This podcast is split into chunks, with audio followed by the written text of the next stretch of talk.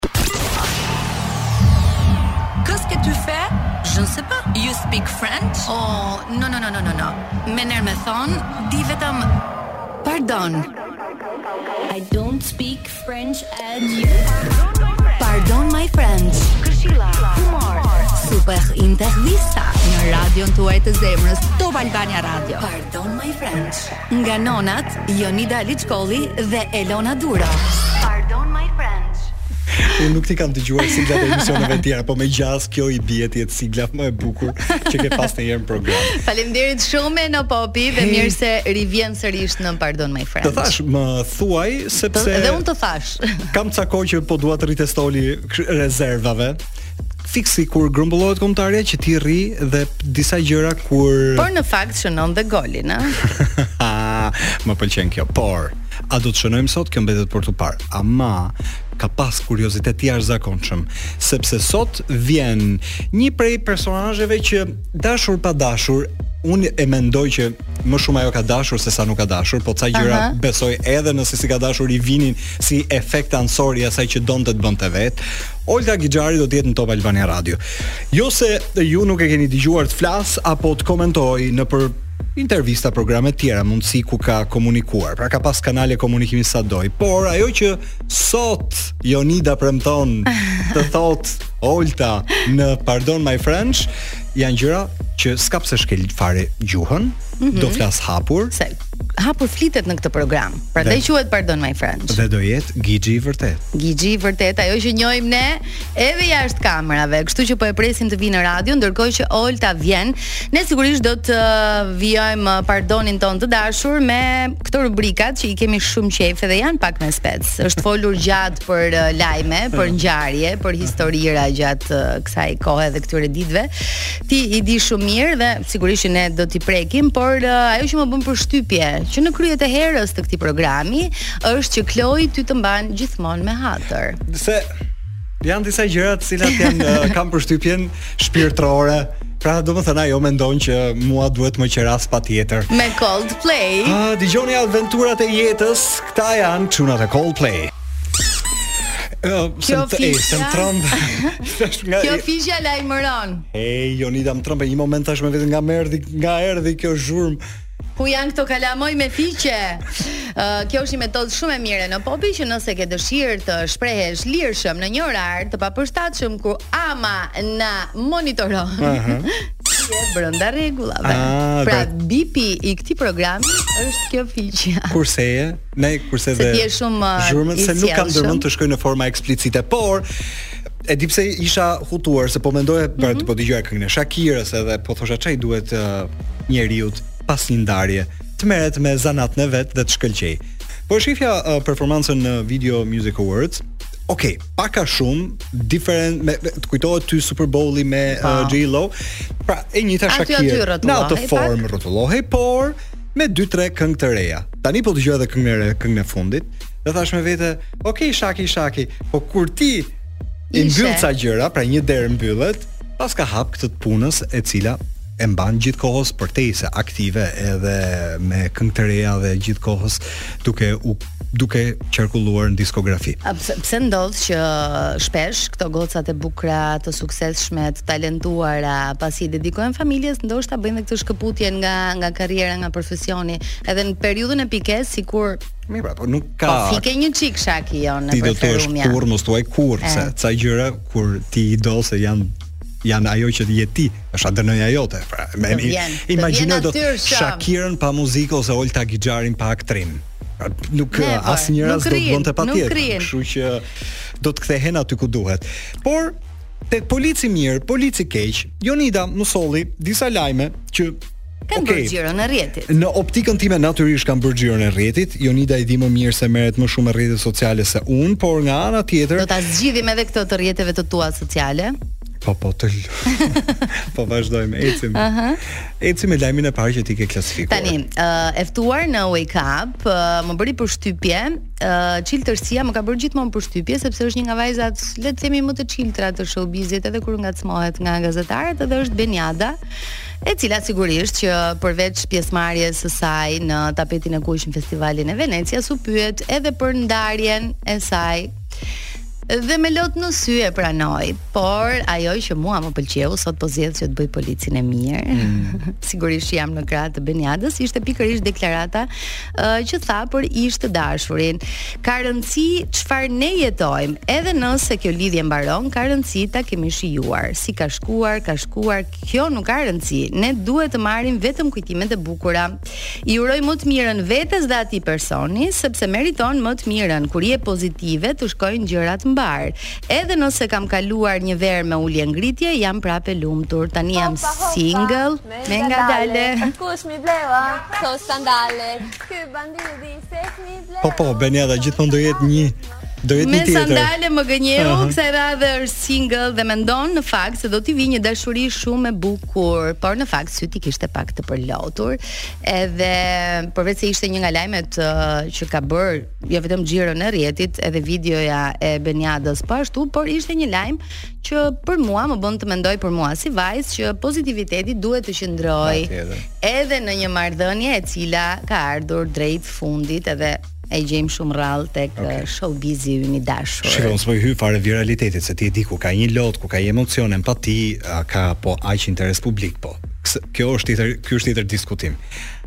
Unë patjetër që do vija me ty pra polica e mirë ti edhe unë mbas teje se gjithmonë ku ka një vajzë që praktikisht i mbushen pak sytë me lot dhe flet për ndjenjën, po unë do të bëhem me të. Se është e sinqertë në atë pikë. Jemi të dy të mirë në këtë pikë. pikë po e para po do të bëni, bëni bëni sikur ta imponon këtë këtë lloj ndjesie. Okej, okay, rregull. Nuk e çaj, thuj kësaj vajze. Okej, okay, rregull. Ama Benjada, la Regina di cuori, dikush ikën e dikush vjen se kjo është jeta. Dhe, dhe një këngë ikën dhe një këngë vjen se kjo është jeta në Top Albania Radio dhe fjala kryesore përveç fjalëve që ne themi i mhm. mbetet gjithmonë muzikës. Do të flasim tani për një marrëdhënie të komplikuar, nuk ka lidhje me Shqipërinë, është mm -hmm. prap pjesë e showbizit, është një ndër çiftet më të komentuar së fundmi, është Neymar dhe e dashura e tij shtatzënë se kështu njihet në pjesën më të madhe të mhm. botës. Dhe është kjo vajza që është tradhtuar me sa duket nga Neymar për të disatën herë.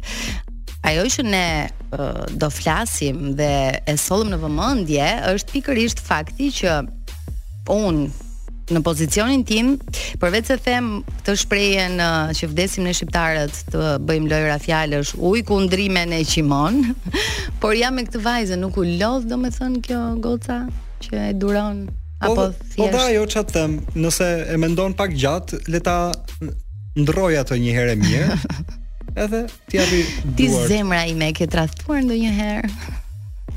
Çfarë ti? Nuk ka, për, nuk ka gjë më të tmerrshme se sa në momentin që ti mendon, ë, ose me, ose se se unë s'jam uh, as flamurtar i gjithë meshkujve në këtë tokë apo pra kur ti mendon që jeta jote do të marrë si do të marrë, Ti befas vazhdon i dorëzohesh, ku di unë.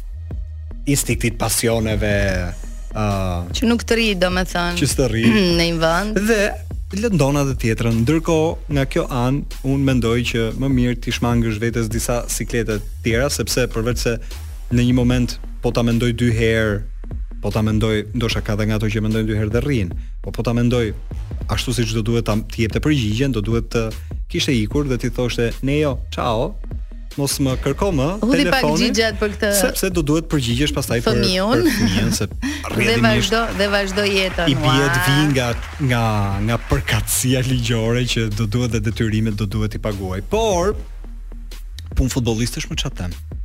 Apo okay. mos mos. Jo, mos e mos e. Mos e vazhdoj. Mos e vazhdo. Mund të jetë punë brazilianësh. Ose punë brazilianësh. e kanë zakon, e kanë zakon këtë gjë. Ë uh, mediat kanë shkruar shumë në fakt për këtë marrëdhënie, pjesës më të madhe të publikut i duket tejet e çuditshme që kjo vajza duron e duron e duron. Ë uh, ajo nuk shprehet, thjesht ndoshta Mendoj që po gëzon benefitet e të qenurit e dashura e Neymar. Si quhet kjo durimmadhja? Ë Durime ndoshta se nuk e as nuk e di si quhet. Ti literalisht e çmendur që është. Jam, jam, jam. Është vërtet Durime kjo vajzë. Ë uh, jemi tek një do kishte qenë ftesa e tyre e martesës eventualisht. Përshëndetje nga Neymar dhe zonja Durima. që i ka ardhur shpirti në majë të hundës, por nuk ka çfarë të bëjë e shkreta. Ë uh, ne qeshim, por në fakt është një situatë që o, unë personalisht nuk do ta kuptoja po, kurrë. Uh, në momentin që gjithë këto gjëra bëhen publike, edhe aq më shumë madje kur je sportist, ca i ke tifozë, pra të simpatizojnë dhe treçereku të antipatizojnë se s'je me skuadrën e tyre, plus uh, tifozeritë bëjnë të vetën e tjerë, e tjerë, kjo është taksirati që duhet të heqësh, bëhesh pastaj gallata e të gjithëve. Por kur njerëzit përpiqen që e marrin pra e lexojnë informacionin edhe thjesht qeshin, është një gjë. Kur tentojnë pastaj që ta projektojnë te vetja këtu u dhemb pak edhe thonë mos qofshim si Durimja. Mos qofshim si Durimja. Publicitet. Është 30 18:30. Ti duhet ta mbash. Dëgjoni, diçka do të flasim vetëm pas pak prit. Se Jonida më solli lajmin tani sapo ma solli. Ëm um, gjithë ju që jeni fansa të La Casa de Papel mm -hmm. ose Më në fund dhe një lajm që duhet ta themi që e kisha gabim. Jo, nuk ishte tamam gabim. Është duke u bërë spin-off i ri për mm -hmm. uh, një nga karakteret siç është Berlin. Edhe duke qenë se uh, isha duke kërkuar si ti e unë që jemi fansa të çmendur të këtij seriali dhe gjithë bota mezi ka pritur në periudhë pandemie, thamë me vete shyqyr që doli The Squid Games dhe uh, La Casa del Papel, ajo që ti mendon se do të shohësh është kur sheh trailerin se është rikthyer filmi. Por jo. Por jo. Është një spin-off, pra është një aneksim i filmit gjithsesi i serialit për të zhvilluar disi më shumë karakterin, personazhin Berlin.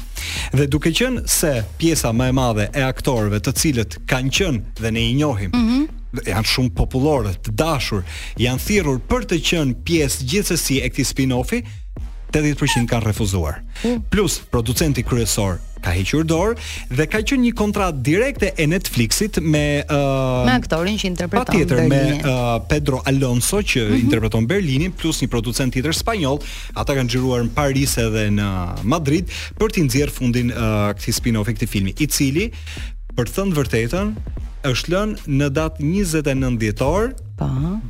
Që do të shohim. Që pa patjetër. Tani ne kemi pa të gjitha, mos ta shohim këtë. Mos ta shohim këtë. Që shkon bashkë me baklavan. E di. Kur ti e shef dhe thu të ulem pak në divan, kap dhe ato pesë thela baklava, do të marrësh 4200 uh, kalori punë e madhe, por do të shofësh filmin në fund. Uh, më kujtoi pjesa e Gomorës, unë dhe Eno jemi fansa të filmit dhe u bë edhe aty një një film. një spin-off. Po, po. Genny dhe uh, si kishte ai tjetri sa rrova. Filmi që është Immortale. Immortale. Immortale sepse personazhi i pavdekshëm, po që vdiq në fund, po nesër. Do të bëjmë një Maluma. Mm. I ranë me celular. Jo. Jo, nuk e të e që në krye të herës nuk e kanë goditur në celular, vetëm jo. me të brendshme. Së fundmi i kishin rënë me, me celular. Me aktë nuk e di, po. po që në krye të herës i kanë uh, i kanë hedhur vazhdimisht vetëm uh, të brendshmet e vajzave, që përgjithësisht e bëjnë vajzat e rreshtit të parë, të cilat shkojnë aty edhe duan që ai të lëvizë flamur, po ë um, më bëri përshtypje sepse po qarkullonte menaxheri vetë kishte uh, nxjerr një kishte nxjerr një si ide, të mhm. cilën po qarkullon dhe thoshte Maluma me kaq shumë ë uh, recipeta të cilat praktikisht janë. Do të hapë një muze. Bravo. dhe është ide konkrete. Muzeu i recipetave të fansave të Malumës mendohet që ai do ta pra një prej ideve ishte o të hapej në Mexico City. Okej. Okay. Në përfundim të turit të tij botëror, mm -hmm. ose të gjithë kamionin me recipeta ta çojnë në Madrid. Në Madrid e kemi më afër se deri në Meksikë. A pse?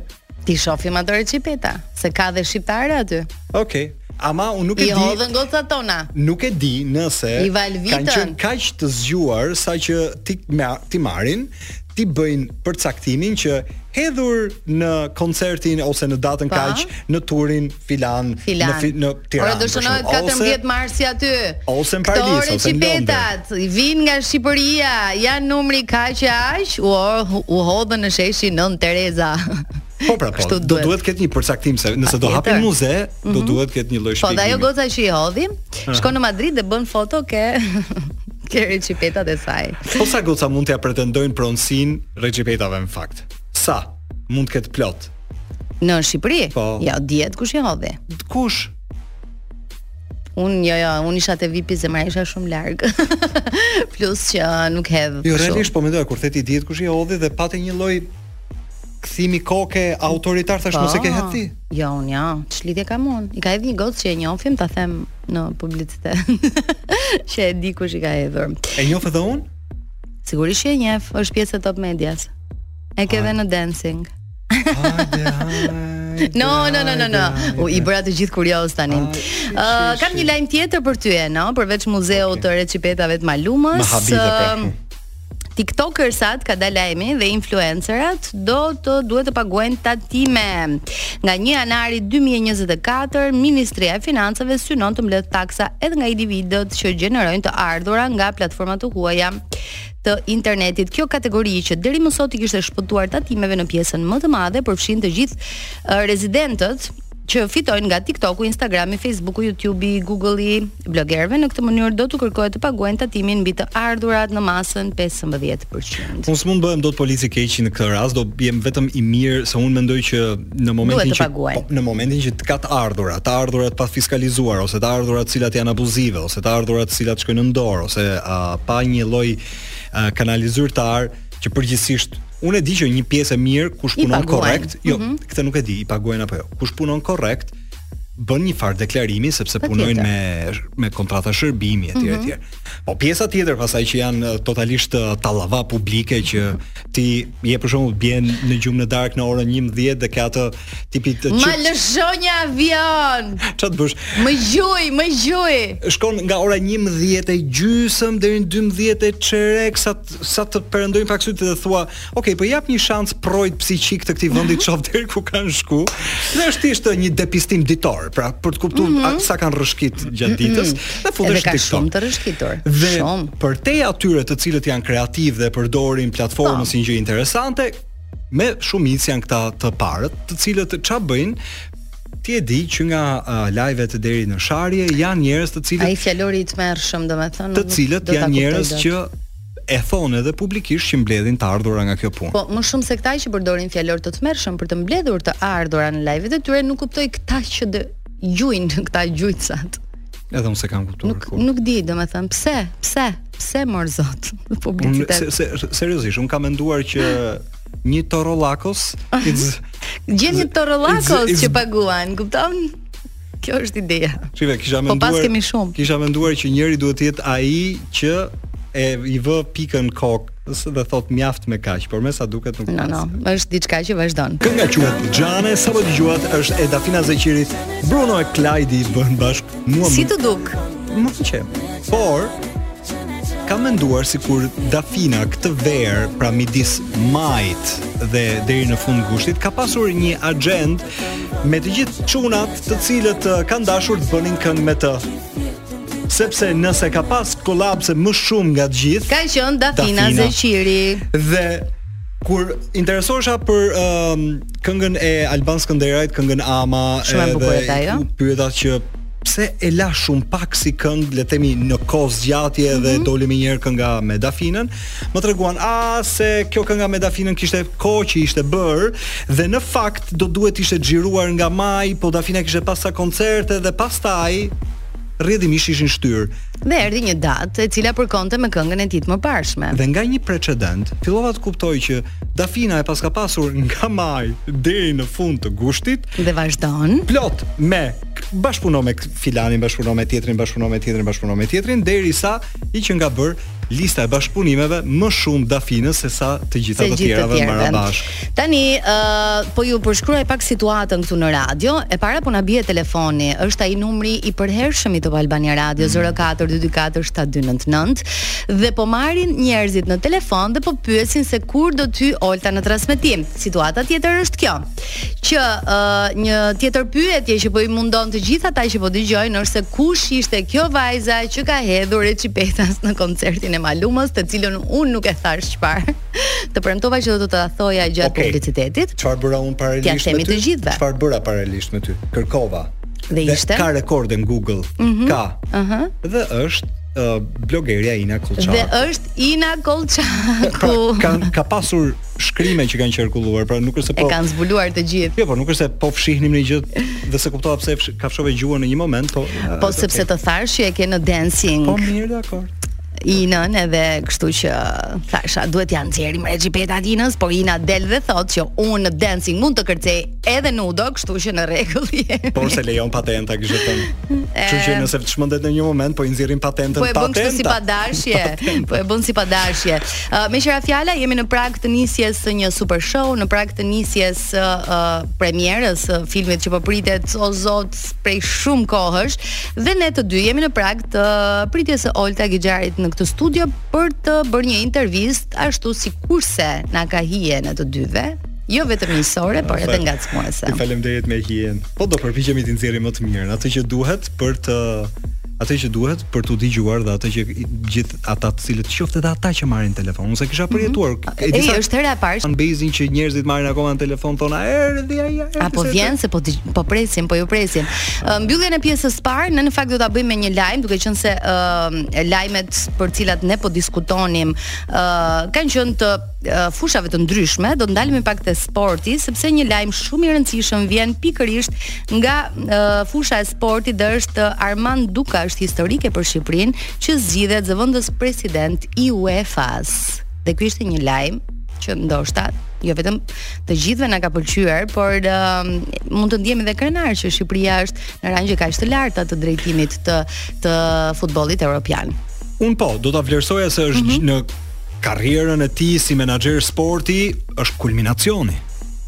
Ajo po që i vjen Shqipërisë është që finalet e Europianit të nën 17 mm -hmm. do të luhen në katër stadiume të Shqipërisë. Kjo po më gëzon sepse do të thotë që një kompeticion i rëndësishëm europian i futbollit vendos të luhet në Shqipëri dhe ok se i kemi kapacitetet mikpritëse për momentin, por nga ana tjetër, duke qenë se ç'ndodhi me Shqipërinë në turizëm është një element plus për ta mbajtur vendin ende në agjendat e të huajve që do të qarkullojnë e do të vinë. Dhe në këtë pikë asnjëri nga ne nuk ka se si të jetë polici i keq. Ja, fare. Na ka ardhur Olta Gixhari në studio. Kështu që mirë është mos nxitohemi shumë prej euforisë që na kap. Na kapi një eufori e paparë sepse para se të vinte Olta ne po flisnim për këto giftet edhe këto gjërat që kanë në rrjetet sociale dhe për uh, taksat që do paguajnë. Megjithatë Olta ti paguan? Mirë se erdhe një herë. Po çfarë? Çka do pyesje me lek? Ç'është kjo vënie me shpatulla pas muri direkt? Do paguash taksat ti një herë? Apo jo? Po, un jam një taksa paguese rregull. E rregullt. Mirë se vjen në Top Albania Radio. Mirë se erdhe. Mirë se ju gjej. Erdha me shumë kënaqësi, ju dëgjova edhe pak rrugës. Aha. Dëgjo, ëm ehm, Na dëgjove kur të prezantuam. Jo, më thatë që ka rënë telefoni fix, ka ndodhur po, asnjë. Është për herë të parë në historinë e Pardon My Friends që po. bie telefoni fix i Top Albania Radios dhe pyesin për të ftuarin. Nuk dha askush numrin, pra një Gjë, tani numri është 04 24 7299 është përjetësisht ky numër. Okay. Olta do ta fillojmë. Falenderoj shumë gjithë ata që kanë pyetur për mua dhe që mezi kanë pritur që unë të jem këtu dhe të flas. Do ta filloj me atë që na lidh pak ty tani me këtë studio me këtë mikrofon. Traileri i filmit në kuadër të ah. dashurisë që ka një kuriozitet të jashtëzakonshëm publik fillon me Mirëmëngjesi. Sot është një ditë e bukur mm -hmm. dhe është dita perfekte për të lënë gjithçka të vjetër pas dhe për të nisur gjithçka nga e para. Wow. Si ka qenë? Si ka qenë për ty? A nuk jam e mirë dhe për radio? Je shumë e mirë edhe për radio. Tani zëri yll. Po po them. Si ka qenë për ty një moment ose kur rri analizon me veten, sidomos viti i fundit? Le ca gjëra pas dhe uh, ke rinisur gjithçka nga. Dhe ke rinisur gjithçka nga e para pas kthimit nga Spanja? Po, është vërtet. A ishte tamam kështu? E kam nisur nga e para do të mirë, mirë s'thuhet, kështu e kam nisur nga e mhm. para sepse e kam nisur ndryshe. Mm -hmm. shumë fort dhe ndryshe. Por në fakt unë mbaj mend dhe në 2008-ën kur unë u bëra për herë të parë e famshme mm -hmm. dhe mhm. e dukshme në Tiranën tonë të dashur dhe avash avash kështu në Shqipërinë tonë të dashur, ka qenë vetëm viti 2008 që nuk ka pas rrjete sociale, unë pata një sukses imediat tek pamje nga ura. Tek shfaqja që shumë njerëz e kanë parë dhe e kujtojnë akoma, Thjesht u zgjova në mëngjes pas premierës dhe isha kudo, në çdo gazetë, tek të gjitha lajmet, në çdo kopertinë. A ishte e njëjta ndjesi? Dhe si tani? Mhm. Mm jo. Tani, meqë po e bën. Nuk kanë krahasim sepse tani jam e mësuar. Tani nuk më bën shumë përshtypje. Por tani jam e rritur dhe di ta menaxhoj shumë më mirë se atëherë. Meqë po e bën diferencën në dy kohë. Por atëherë ka qenë ka qenë fati im që nuk ka pas rrjete sociale dhe askush nuk kishte të villte vrerin që mund të vjellë. Shante, nuk kishte mundësi të shante, ti ishe më më e mbrojtur nga kjo anë dhe rrjedhimisht mund të ishe pak më shumë kreative sepse kishe më shumë besim dhe guxim në vete. Nëse i bën uh, krahasim në dy kohë dhe po i vendosim në peshore, Oltën e një kohe pa shumë uh, zhurmë në rrjetet sociale, po është e vërtetë, kanë shkruar gazetat atëherë dhe meqë më kujtove, Pamje nga ura ti ke qenë studente, Ke qenë në shkollë? Un kam qenë sa kisha mbaruar, do të isha në vitin e katërt, po, vitin e katërt të fakultetit. Sa mbaj mend. Po. Ndërkohë, Olta që është tani është komplet një tjetër personazh. Kuptim personalitet është, në një sens të Le ta quajmë një grua e realizuar në mhm. karrierë, mm -hmm. uh, një nënë e përkushtuar që provoi një eksperiencë ndryshe nga ç'mund t'i kishte vajtur në mendje që do të provonte ndonjëherë. Do ta ribëje? Pyetja që vjen natyrshëm, Uh, kjo kujt i përgjigjem? Jo, jo, përgjigjem Jonidës në fakt se unë e kam me me çik po, të tjerë në këtë punë. E kam menduar disa herë këtë pyetje dhe me veten time, do ta ribëja. Nuk jam fare pishman që e kam bër dhe e kam bër në kohën e duhur. E kam bër në kohën e duhur. Mhm. Mm e kam shijuar shumë, por mbetet aty. E kam dhënë gjithçka aty Natën e një prillit, kur unë mbylla atë derë që askush nuk e besoi, sepse ishte dhe dita e gënjeshtrave, por e kam lënë të gjithë si një eksperiencë në thonjëza, po e them si metaforë këtë, si si një eksperiencë të gënjeshtërt. E kam paketuar, e kam lënë aty dhe u riktheva në personalitetin tim dhe në në përditshmërinë time psiqike, psikologjike dhe karakteriale që mua. Dhe karakteriale. Ne thamë po. që uh, sot kjo intervistë do jetë me Gixhin që një që ne në po, fakt po. njohim edhe jashtë kamerave po. dhe për të gjithë ata që nuk e kanë kuptuar ende këtë personalitetin e saj, kaq të drejtpërdrejtë, kaq me humor edhe uh, ndonjëherë dhe koket, ë uh, janë shumë vonë për ta kuptuar tashmë, por kam përshtypjen që mund ta kuptojnë kur të fillojë po, treshi. Po, sa po thoja. Ë e ke e ke me po, e ke me plan. Po kam një shpresë akoma, e kam kjo shpresa ime e fundit. E ke një shpresë sepse pyetjet që kanë ardhur kanë të bëjnë me treshin. A do futem unë te treshi? Jo, nuk e thash jo, për këtë. A do provoje ti, do pranoje ti një ofertë që do të vinte nga Big Brother 3? Është njëra nga pyetjet që ne kemi. Jo, jo, as nuk e mendoj. Për të qenë opinioniste Ah, opinioniste. Ndryshon puna, ndryshon puna. Jo, nuk besoj, nuk bes, nuk e kam në ambiciet e mia këtë pozicion. Uh, është hera parë që e mendoj dhe mua më s'është bërë shumë herë si mm -hmm. pyetje nga njerëzit që kanë dëshirë të dinë pak më shumë se ç'do bëhet në të ardhmen, por nuk e kam menduar me me seriozitet ose me një lloj mendimi brenda. Sepse ke një tjetër spektakël përpara. Përpara. Dhe nuk e kam menduar, por është dit... spektakël, dua të them që është spektakël që të rreh zemra fort të rreh zemra fort realisht. Un kam menduar që emocionet më të mëdha kanë qen kanë qen të premierës kur un dilja në teatër kombëtar që kisha mm -hmm. një premierë, por jo, emocionet që un kam përjetuar dhe rrahjet e zemrës që un kam pasur në primet e Big Brother VIP nuk nuk besoj se do t'i përjetoj më se do më duhet të, të filloj trinitrinën pastaj. Nuk nuk duroj dot më. Siç e thamë, uh, vetëm uh, pak orë më parë, le ta quajmë kështu, u bë publik lajmi zyrtar që ti do të jesh uh, njëra nga uh, anëtarët e jurisë së Dancing with the Stars, një po. show mm. spektakolar, është mm, një show nga më të parët. Ku ë uh, edhe aty ka vipa, edhe aty do të ketë debate, edhe aty do të ketë po ashtu ë uh, miq të tu. Një tjetër pyetje që vjen natyrshëm dhe që bëhet nga ata që të njohin dhe dinë marrëdhëniet e tua, a do të mbash me hatër ë uh, Eni Shehun dhe Maestron. ë uh, Unë nuk e di se si do të sillem aty, duke qenë se unë jam natyrë shumë spontane. Mhm. Mm dhe nuk e di se si do të sillem, por di të them që unë njerëzit që dua shumë më ndezin një lloj ë uh, nuk është fjala e duhur, por nuk kam një fjalë tjetër. Një lloj agresiviteti. Okej. Okay. Domethënë bëhem pak e ashpër, me njerëzit ah, që i pra, dua. Pra ndodh e kundërta. Ndodh e kundërta. Kështu që ata do të presin të kam mirë. Po. me njerëzit që un kam marrëdhënie, që kam besim. Okay që i quaj t'afërt, okay. un gati gati në dukje, gati gati sillem keq. Sillem jo keq, po sillem dukem si njeri shumë kryeneç, mendjemadh, ë uh, arrogante, arrogante se s'po më vinte fjala. Kjo është fjala e duhur. Ka një arsye që e bën këtë? Ë uh, e kam nga dashuria e madhe.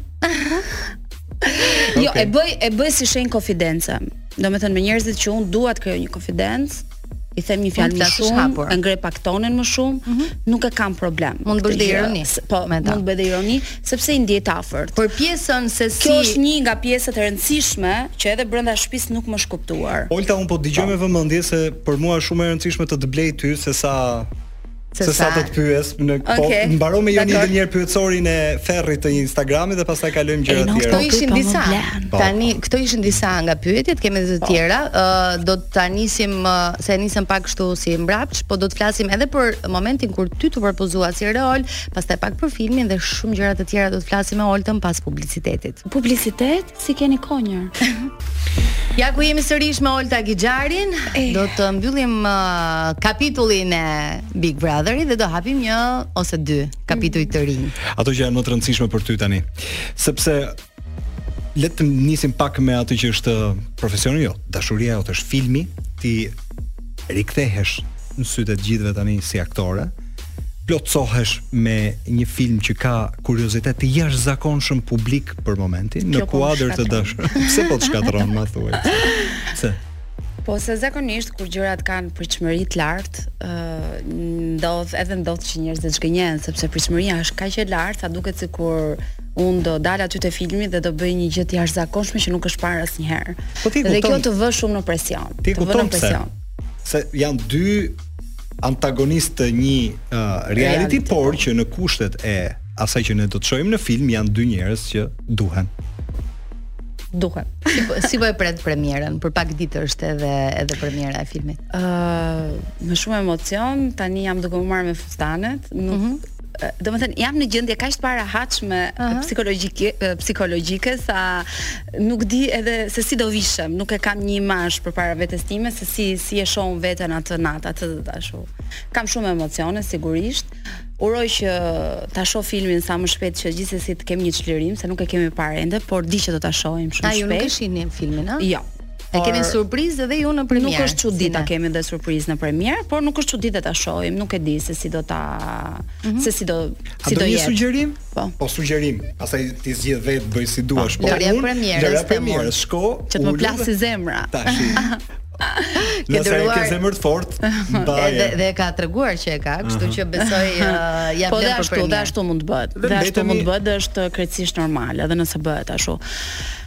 Emocionet i kam shumë të ndaja.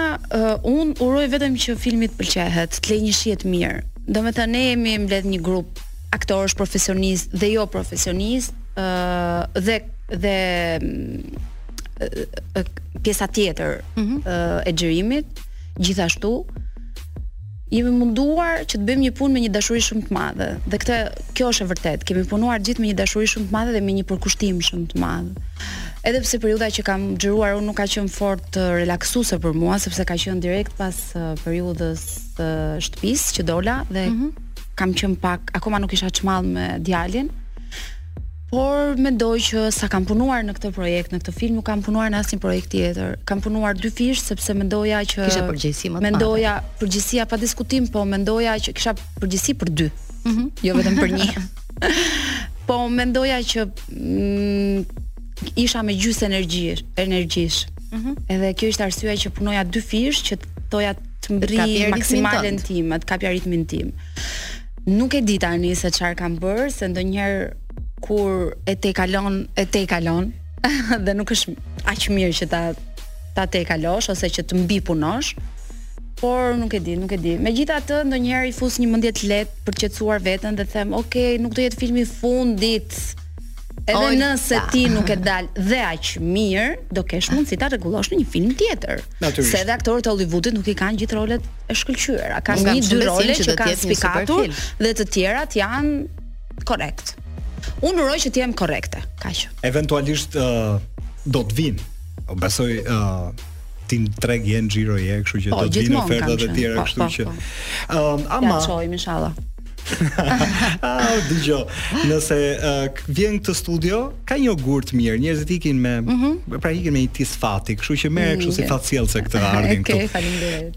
Si ka qenë marrëdhënia e ndërtuar në set me Luisin? Ishte 80% e pyetjeve që vinin. E di. Sot. Është e pashmangshme. Është e pashmangshme. Në fakt ishte edhe në në ç'kuptim si ka qenë marrëdhënia. Marrëdhënia e ndërtuar profesionalisht flas. Domethënë ne kemi fol shumë për filmin, mm -hmm. të dy gjatë uh, xhirimeve. Mm -hmm. Unë jam përpjekur gjithë kohës me lejen e regjisorit, sinqerisht këtë, po e them, që ta fus në atmosferë. Si futet një aktor që nuk është aktor në atmosferë, duke i treguar rrethanat, mm -hmm. duke duke folur me të dhe duke i thënë si mendon ti ta bëjmë këtë dialog si e ndjen ti ta bëjmë. Se për mua kishte shumë rëndësi si e ndjente Luizi, si si Luiz, ë uh, dialogun. Si si e ndjente si energji. ë dhe pastaj e merrnim këtë energji, flisja dhe unë për energjinë time, mm -hmm. e merrnim këtë energji, e përpunonim të dy me njëri tjetrin dhe ishim gati për xhirim. Domethënë marrëdhënia jon ka qenë shumë ë uh, si quhen këto marrëdhënie, s'po m'vjen fjala, si quhen këto marrëdhënie që korrekte? Korrekte, po, shumë korrekte. Politikisht korrekte. Po, bravo, kjo. Jashtë mureve të të Bigut. Ka qenë jo? politikisht korrekte, të dy e mhm. dinim që na duhej njëri tjetri. Mhm. Mm Ai pa mua nuk e bënte dot dhe anasjelltas. As un pa atë nuk e bëja dot, sepse 95% ose 90% të filmit e kemi me njëri tjetrin. Dhe nëse nuk do të kishim një harmoni ë kinse të mirë, gjasme të mirë, qoftë edhe gjasme se ne jemi aq të rritur sa të kamuflojmë ë gjërat që nuk na pëlqejnë te njëri tjetri ose jetën private. Kishte Big Brother në këtë raportin tuaj? Gjatë filmit? Nga ana ime jo aspak. Mm -hmm. Nga ana ime jo aspak. Un vazhdoj ruaj një simpati për Luizin, un vazhdoj mm -hmm. ta kem xhan njësoj si natën e 1 prillit që e përqafova dhe i thash mm -hmm të kam shumë xhan. e kam njësoj. Po, uh, tashi marrëdhënia jona e shu është, ne kemi shku nëj herë mirë që të shkojmë mirë sot. tani. Jo, domethënë unë kam pranuar këtë gjë. Që ne shkojmë si macja me miun dhe jemi në rregull. Mbase mbase kështu funksionojmë ne Të mirën për ju të dy. Kjo është e mira. Edhe po. më mirë le të qëndroj kështu, po në mënyrën si po e përshkruaje, kaq klinike. Më bëre Klinike ka qenë. Po pra po, më bëre kaq kurioz, sa që po filloja të mendoj, a kanë pasur një marrëdhënie jashtë të tipit për shembull, fjala vjen. Të pimi kafe jo. Kafe, e cila është kafe para setit. Ë uh, të pim një gotë pas pune se ja. mjedisi i përbashkët na bën bashk. Ja. Ose të harxojmë kohë cilësore se meqë ra fjala e kam bërë me të gjithë kolegët e tjerë. Mund të jemi jashtë një trysnie. Pra kujt i ka munguar vullneti për ta bërë këtë? Ty apo atij? Unë këtë nuk e tregoj dot se mbase nuk më përket mua ta mm -hmm. ta tregoj, unë mund të flas për veten time, unë di të them që realisht ne kishim një marrëdhënie politikisht në rregull, domethënë korrekte, kaq. Dhe mendoj që ka mjaftuar për për të patur një për të patur rezultat. një për shembull, për shembull, për të patur një fjali të regjisorit që nuk do ta harroj kurrë, ka qenë nata e fundit e xhirimeve. Dhe ka qenë ajo skena që është në trailer, që ne të dy rrotullohemi që unë kam një trëndafil të bardhë që mm -hmm. kam një fustan të bardhë aty. e bëmë atë skenën dhe uh, Koloreto u çua dhe tha ta marrë dreqi sa bukur gënjeni gati gati e besova që e dashuroni njëri tjetrin ore unë nuk ju kuptoj dot ju të dyve nuk po më çmendni pra keni aktruar po. perfekt Kloi e kemi ne që kjo është e rëndësishme e kemi trailerin dhe mund ta dëgjojmë dhe ta shohim në të njëjtën kohë uh, në fakt Koloreto po ashtu ka zbuluar se aktoria që ka kërkuar të bëjë më shumë dubla dhe xhirime gjatë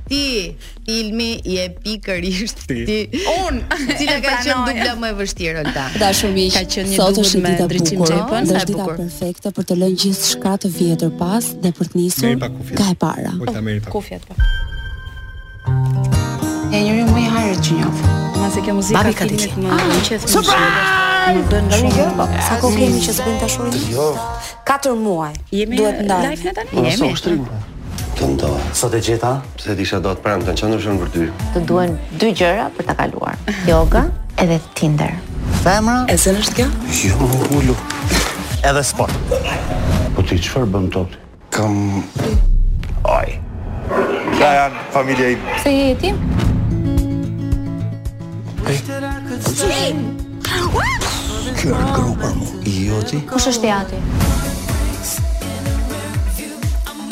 Mos punon gjë në televizor?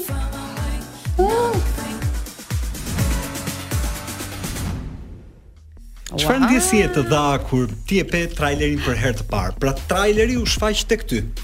M'u djersitën duart, m'u mbushën sytë me lot dhe fillova të lëvizja, lë, të bëja lëvizje të pakontrolluara. Ka dal trailer, ka dal trailer, vetëm lëvizja rrotullosh. Rrotullohesha kështu si macja që do të kapi bishtin e vet dhe s'e kap dot. Ë, uh, u emocionova shumë. Uh, vazhdoj emocionohem kur e dëgjoj. Ja, po të më shikosh kam pak sytë të mbushur. Emocionohem shumë realisht dhe kjo ideja që do jepet në Pallat të Kongreseve që do jenë shumë oh, veta që do jetë një super show. Që do jetë një red carpet aty. Një... Do jetë ashtu siç duhet të jetë në po, fakt. Siç dhe vetëm Topi di t'i bëjë në fakt. Do ta them. Dubla më e vështirë cila ishte? Dubla më e vështirë është është është dhe në trailer kjo pjesa e Çimit është një moment që Çimi ia bën. Oj. Aha. Çimi bën këtë oj dhe unë vetëm ulërisja. Ah, me të madhe, vetëm qeshja. Domethënë, atë dhe nuk e mblidhja dot veten. Dhe Çimi, sa u detyrua, më erdhi shumë keq për Çimin. Nuk, 10 dubla, 15 dubla, vetëm qeshja. I vetëmi moment, se unë jam shumë skrupuloze në punë, sa erdhi Çimi dhe tha, Olta mjaft. Jo, o dreq më tha mu, o dreq i kuq. O dreqi. Çka ka më tha? O dreqi. Kam në gjë tha që të shkon tha çka ka tha që s'po pushon. Po ja. I thashë çim po e bën aq bukur, aq bukur e bën. Po nuk e di, kjo është thash nuk nuk përmbahem dot në këtë skenë. Duke pasur parasysh ditët e tua të Bigut, që të kam pas në vesh gjithë kohë ose gjithë dynja, eh? Po. që të kishin 24 orë, po, po përpiqem të mendoj se si qeshje në set dhe si gati ke shkatërruar nervat.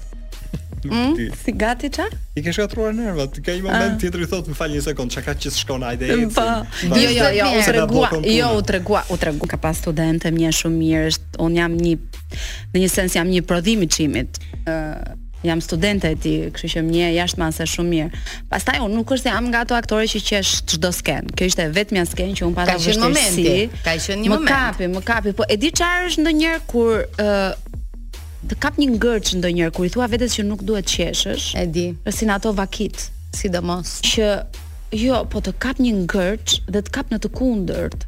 Mua më ndodh kur ndodh një gjë që un friksohem shumë dhe nuk dua ta jap veten, mua më kap një e qeshur kot. Që është e qeshur sikleti.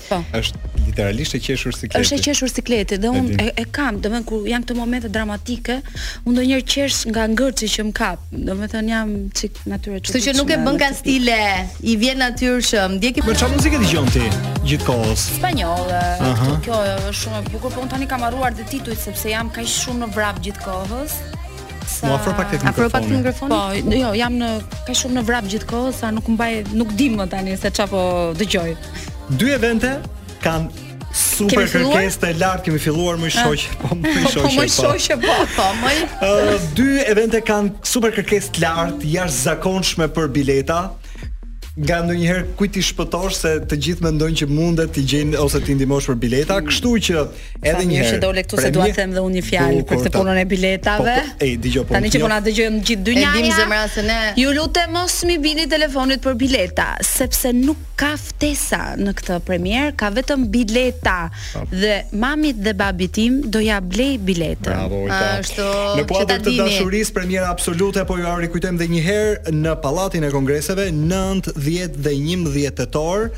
Biletat i gjeni në Pallatin e Kongreseve fizikisht mm -hmm. ose i gjeni tek Top Channel Films duke klikuar dhe duke i blerë online aty. Okej, okay, Jonida.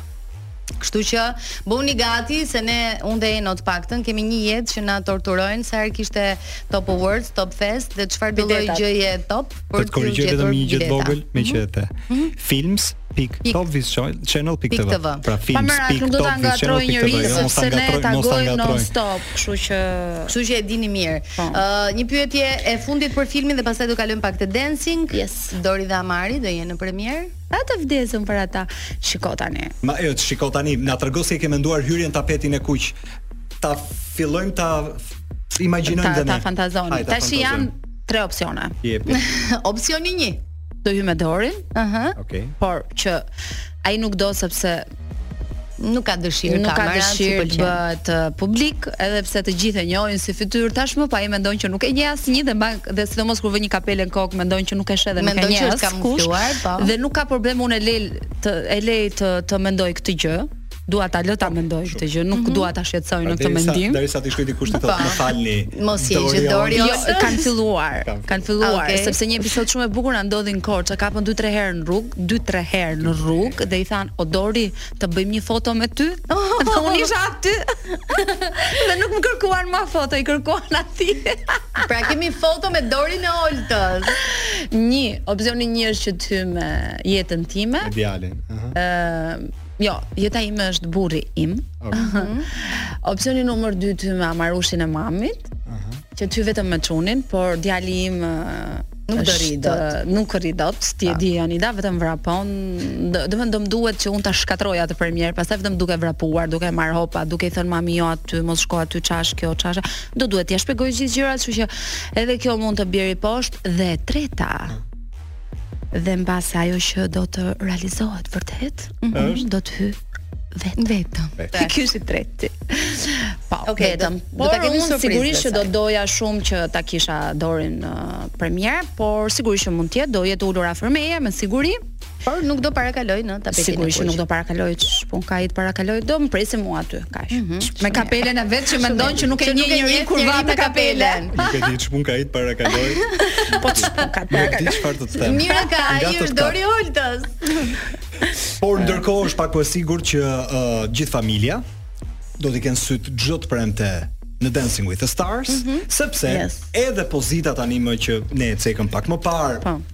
publiku tanimë e di etj etj konfirmimi në një prej katër ulëseve të jurisë të bën ty që të jesh Olta në një variant që ne nuk e njohim. Olta se ti të paktën këtë pjesën e skenës dhe aktrimit e njeh. Po pjesa e disiplinës së kërcimit. Tani ku hyn dhe ku bashkohen të dyja të ta shpjegoj. Që do të vish ti ta shpjegoj. Ta shpjegoj. Un kam qenë, balerinë nuk e them dot, sepse nuk kam bërë balet klasik, un kam kërcyer në ansamblin e Durrësit. nga klasa e 5 deri në vit të tretë gjimnaz. Pa ndërprerje dhe kam bërë uh, premiera dhe shfaqje çdo fundjavë në Durrës. Mm -hmm. Kemi bërë dhe në shfaqje kur bënim këto rinfestet me Petro Ninin, Gjergj Kastrioti që kam qenë, unë bënim këto binjakëzimet. Bënim spektakle, sepse unë jam marrë me këto spektaklet se dihet që që nga klasa, po, që nga klasa 5. Un kam kërcyer gjithë jetën dhe e vërteta është që e dashuron kërcimin. Eno Popi, un rrinjë etuale. Un po të kisha bërë balet klasik, sot do të flisja me puante. Qartë. Mm. Yes.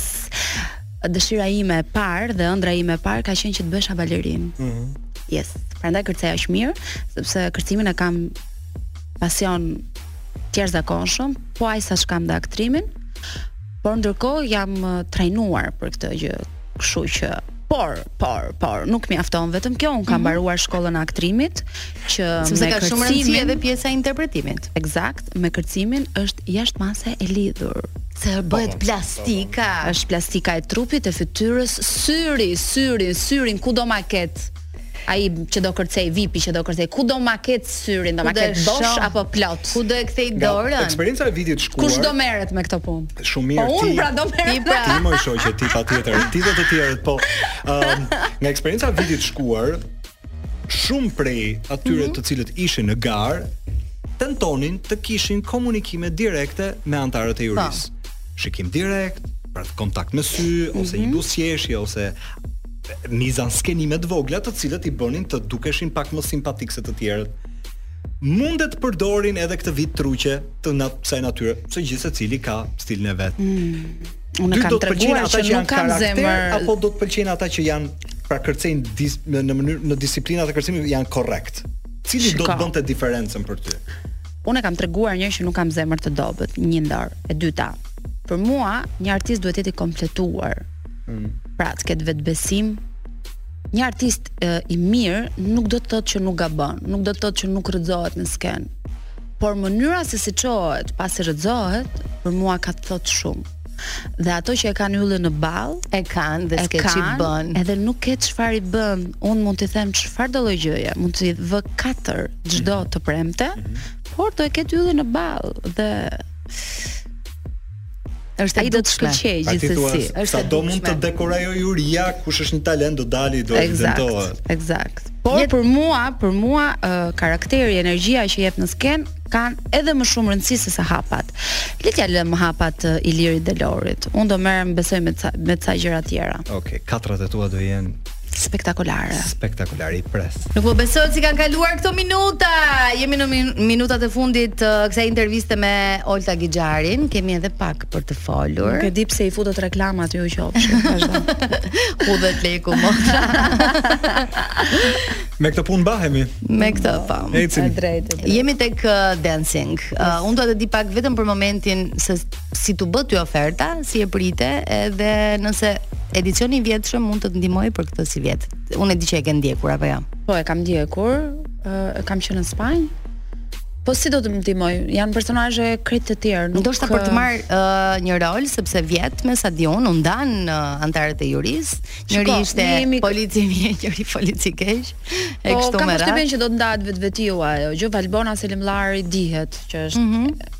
është një ëmbëlsirë, po. gjithmonë ashtu ka qenë dhe besoj ashtu do të jetë se i shkon shumë. Dhe kam përshtypjen që do të ndahen rolet vetvetiu sepse jemi karaktere të ndryshëm dhe na pëlqejnë gjëra të ndryshme, është e pamundur që të na pëlqejnë gjithmonë të njëjtat gjëra njësoj. Kështu që ne nuk kemi ndarë ndonjë rol deri tani. Ftesa erdhi në mënyrë shumë sportive, mm -hmm. ka qenë Sara Hoxha ajo që më shkruajti një mesazh që mm -hmm Që të pëlqeu patjetër. Që do kalosh nga zyrat flasim. Për të tjerë. Për dancing, patjetër. Po nëse duhet kërceje? E sheh veten dhe a do kesh një performancë ndoshta? do doja shumë të kisha një performancë, se ndihem dhe aty në terren të sigurt, ndihem në ndihem shumë rahat. Siç ma përshkrove, është Po ndihem rahat. Krejt normale që ta kërkosh një performancë. Edhe pse kam shumë kohë që s'kërcej, mhm. por ato reflekset i ke, i kam, i kemi parë. I kam. Do doja shumë të kërceja, për mua do ishte një kujtim jashtëzakonisht i bukur, do ishte kështu qershiza mbi tortë, por nuk e di akoma, nuk e di, le të fillojmë një herë, pastaj nuk e di. Planet uh, afat uh, shkurtra për një motër apo një vëlla për Amarin? Ah, apo ta kam bërë shumë herë këtë pyetje. Sigurisht që e kam në plan, por Unë kam gjithmonë të njëjtën përgjigje, kur ta sjelli Zoti. Okej. Okay, nuk të stopon agjenda e punës. Në momentin që do ti. Po unë nga gjoksi e lart do dukem te Juria. Do ishte shumë bukur, do ishte shumë bukur. Do me thënë ulur do jem. Nuk do më bezdisi një shtatzani eventuale. Nëse do të ndodhi, jam e mirë, do të thotë e mirëpres. Kur ta sjelli Zoti. Okej, okay, Ta uroj me gjithë zemër. Gjithë të mirat është shumë e rëndësishme që për gjithë projektet që E para po të vijnë e dyta edhe ë kur thashë aty është teatri, pastaj mm. aty është filmi, pas një që po e kemi do, do, do tani po do vijnë dhe të tjerë e të tjerë e të tjerë. Ne urojmë që të rikthehesh ashtu siç ti do në habitatin tënd profesional, të cilin Mendoj që jam rikthyer. Të cilin ti the që, të kishte munguar një çik. Që nga data 9 mhm. Mendoj që do quhet një rikthim zyrtar i imi. Si aktore. Unë do, do preferoja të rikthehesh edhe në teatr, Do të ndodhi dhe ajo. Po. Do të ndodhi patjetër. A je, meqë ra fjala, je në negociata me dikë? Jam. Okej, okay, bukur. Jam në negociata okay. me dikë, por jashtë Shqipërie. Ah, jo okay, me regjisorët këtu. Super. Yes. Por mm, është A sot nuk më rri goja. Fol, fol, se duam të dimë. Jo, e, mm -hmm. jam duke diskutuar me një super aktor, por që nuk jeton këtu. për një pjesë teatrale që pse jo mund të jetë dhe një pjesë filmike. Po shumë mirë, Olta, shumë super. mirë. Të urojmë shumë suksese Faleminderit Olta shumë, në çdo faleminderit projekt, shumë. në çdo iniciativë që merr. ë, jemi shumë të sigurt që do na bësh për vete edhe në Dancing with the Stars. Sapo na erdhi Albana jonë e dashur në këtë studio dhe u bashkua Mirë se erdhe. treshes sonë. Mirë se ju gjej, po e keni kapur keq me gocat e bukura. Herën e kaluar Adrola Dushin, sot Oltën. Na Albana vjen e frymëzuar, vjen ah. gjithmonë e frymëzuar. Tani unë jam gati për dy orë emision. Olta je. Mezi po të presim. Vërtet? Patjetër. Faleminderit shumë. Është këtë dashuri wow, me këtu. E kupton çfarë përgjegjësie? Je jo, shumë e kupton çfarë përgjegjësie. Shiko, unë betohem. Mhm. Mm Këtë Gredorën. Mm -hmm. Betohem që do jem vetvetja dhe vetëm vetvetja në të gjitha iniciativat e saj. Mos ndrysho, mos ndrysho. Kjo Jo, si të ndryshoj jo. Kjo je ti dhe tek e fundit do, po të ishe tjetër njerëzit s'do të donin kaq sa të duam tani. Ne kemi ardhur në fund, Jonida. Po bëhemi gati për t'u shkëputur ne dhe për t'i lënë studion Albanës, e cila do të vazhdojë me Lançën, kë ke të ftuar sot?